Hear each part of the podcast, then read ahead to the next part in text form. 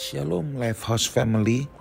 Kejadian 3 ayat yang ke-23 itu mengungkapkan bahwa Tuhan Allah mengusir manusia dari Taman Eden.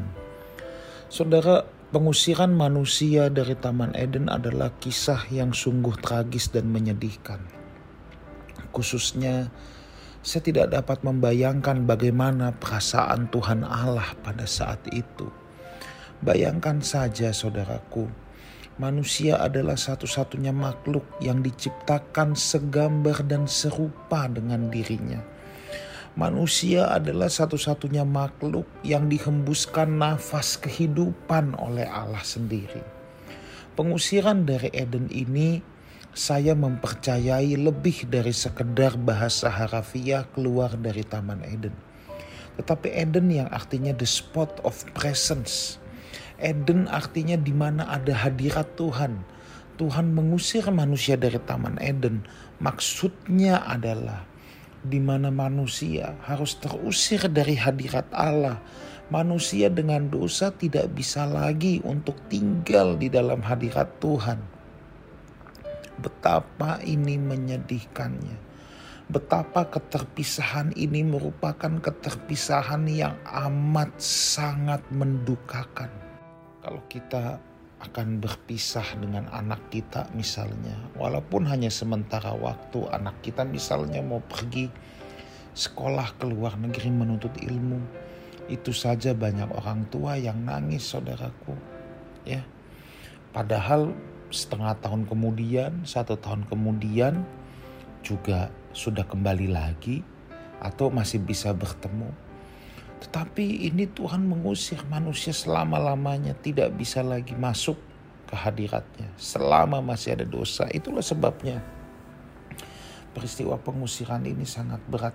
Sebab manusia adalah objek kasih Tuhan.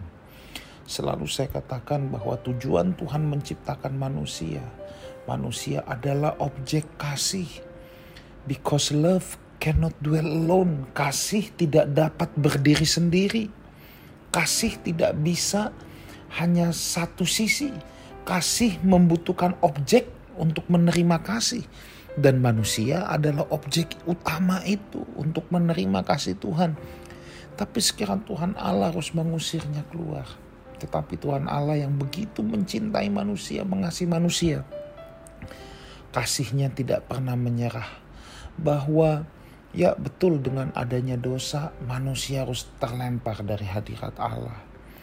Tetapi di satu sisi Tuhan Allah ingin mengambil kembali manusia dari lumpur dosa untuk dimasukkan kembali ke dalam persekutuannya dengan Allah dalam hadiratnya.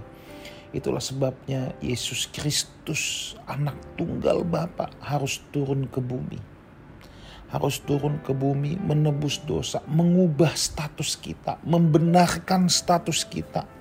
Status kita dari orang berdosa sekarang diubah status kita menjadi orang benar. Yang mengubah status kita itulah anugerah, saudara. Itulah anugerah. Kita tidak bisa berbuat apa pun untuk mengubah status ini.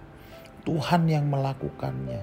Nah, sekarang kita yang sudah menerima status itu kita dikembalikan lagi untuk boleh ada dalam persekutuan dengan Tuhan Allah. Apa yang harus kita kerjakan? Nah, kelakuan hidup kita, buah hidup kita harus mencerminkan status kita. Kalau buah hidup kita tidak mencerminkan status kita, maka Bapa adalah Tuhan Allah yang sangat adil dan dalam keadilannya ia mengasihi kita tetapi ia membenci dosa.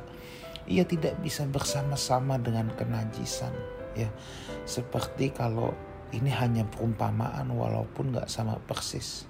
Kalau ada seorang anak hidupnya nggak beres, taunya judi, narkoba, apakah dia bisa diwariskan perusahaan papanya? Papanya tidak akan mewariskannya oh ya betul statusnya anak, tapi papanya tidak akan mau mewariskannya dan tidak boleh mewariskannya ke anak yang model begitu. Nah ini sama saudaraku ya. Kita akan diwarisi kerajaan Bapa, memerintah bersama Tuhan Yesus. Ya, bersama Tuhan Yesus selama-lamanya. Nah sekarang bagaimana dengan kelakuan kita? Kita punya tanggung jawab untuk mencerminkan ya, untuk mencerminkan kualitas Tuhan dalam hidup kita. Itu sebabnya renungkan yang satu ini saudaraku. Begitu besar kasih Tuhan kepada kita.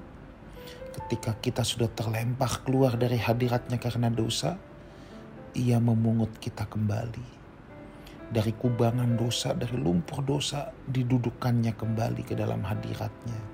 Dibenarkan status kita. Masakah kita mau menyia-nyiakan kasih karunia yang begitu besar? Mari Lifehouse Community, Lifehouse Family, saya ajak kita semua untuk meresponi kasihnya, meresponi pengorbanannya dengan benar. God bless you all.